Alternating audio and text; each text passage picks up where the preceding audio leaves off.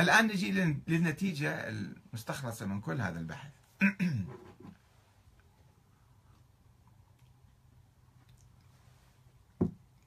وإذا صدقنا أدلة النهي السنية التي يريدونها وحاولنا أن نجمع بينها وبين أدلة التحليل الشيعية فإننا يمكن أن نصل إلى رأي وسطي جديد. لا نقول فيه بالتحليل المطلق كما يقول الشيعة مثلا. ولا بالتحريم المطلق كما يقول السنة وإنما بالتحليل عند الضرورة وعند حصول العنت والمشقة الكبيرة وذلك لثبوت نزول الآية الكريمة رقم 24 من سورة النساء فما استمتعتم به منهن فآتوهن أجورهن فريضة من الله في موضوع زواج المتعة هذا ثابت عند السنة والشيعة آه، وليس. وليس في مطلق الزواج هاي الآية لأن في الآية قبلها حول الزواج تتحدث. كما روي عن جماعة من الصحابة منهم أبي بن كعب وعبد الله بن عباس وعبد الله بن مسعود أنهم قرأوا فما استمتعتم به منهن إلى أجل مسمى فآتوهن أجورهن فريضة. بناء على الأحرف السبعة. وفي ذلك تصريح بأن المراد به زواج المتعة. وقد قال الرازي في تفسيره لهذه الآية أن المراد بهذه الآية حكم المتعة. وأيد ذلك الأحاديث النبوية التي أحلت المتعة. ولا يمكن رفع اليد عن تلك الآية وتلك الأحاديث المصرحة بالجواز إلا بنسخ من القرآن الكريم. أو على الأقل حسب السنة من السنة الثابتة المتواترة. وهذا ما لا يوجد. لا نسخ من القرآن ولا نسخ من السنة بتواتر يعني بتواتر. إذ لا توجد آية ناسخة لها ولا توجد أحاديث متواترة قطعية تؤكد التحريم المؤبد.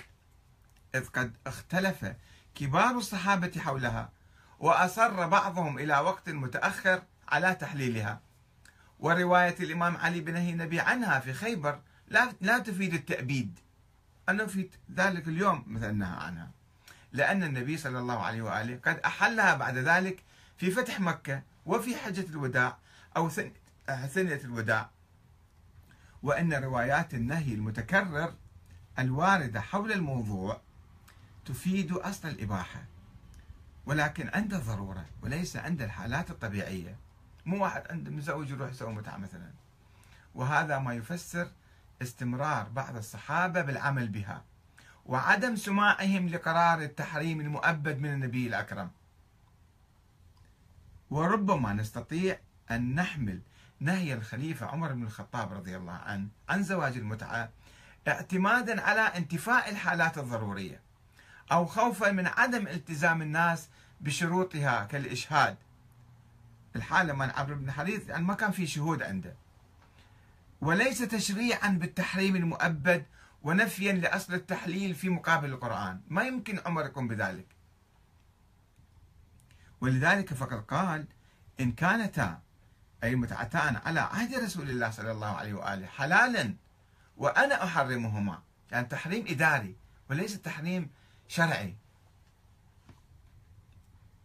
وأعاقب عليهما. كما يروي الإمام أحمد بن حنبل في مسنده جزء واحد صفحة 52 هذه القصة. بينما كان تمسك بعض الصحابة بالتحليل تمسكا بأصل الإباحة.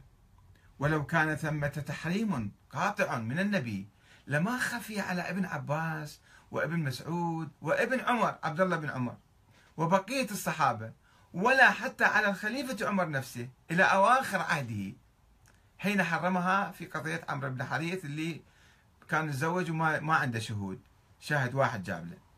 وربما كان هذا هو ما يفسر قول ابن عباس لسعيد بن جبير إنها كالميتة لا تحل إلا للمضطر. هذا رأي وسطي يعني يصير. وأما الإجماع على تحريم المتعة فليس بحجة لأنه إجماع متأخر لدى أهل السنة فقط.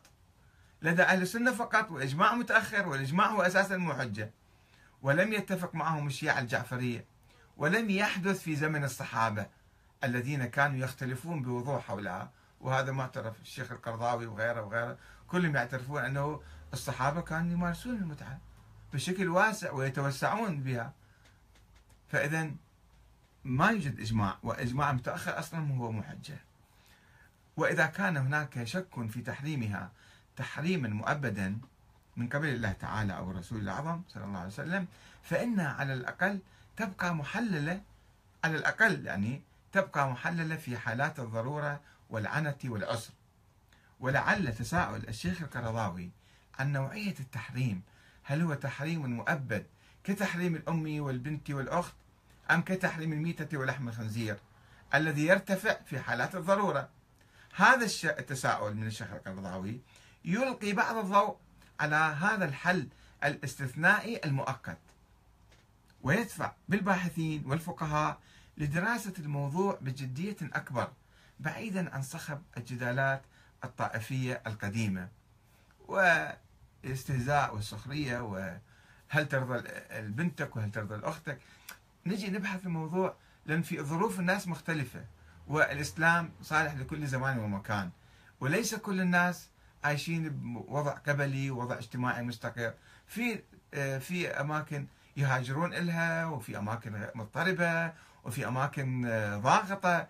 جنسيا على الشباب مثلا كما في بلاد الغرب ماذا يفعل هؤلاء الشباب؟ أو تأخر سن الزواج إلى 30 40 سنة وإحتمال كبير بوقوع الشباب في الزنا أو في المحرمات الأخرى أو يلجؤون إلى هذا الحل بشكل أفضل مع كامل آه، الالتزام بالمسؤولية وتحمل المسؤولية. فاذا الموضوع يدعو للتفكير إذا لم نقل برأي معين نحاول أن نناقش الأمور بشكل أعمق. والسلام عليكم ورحمة الله وبركاته.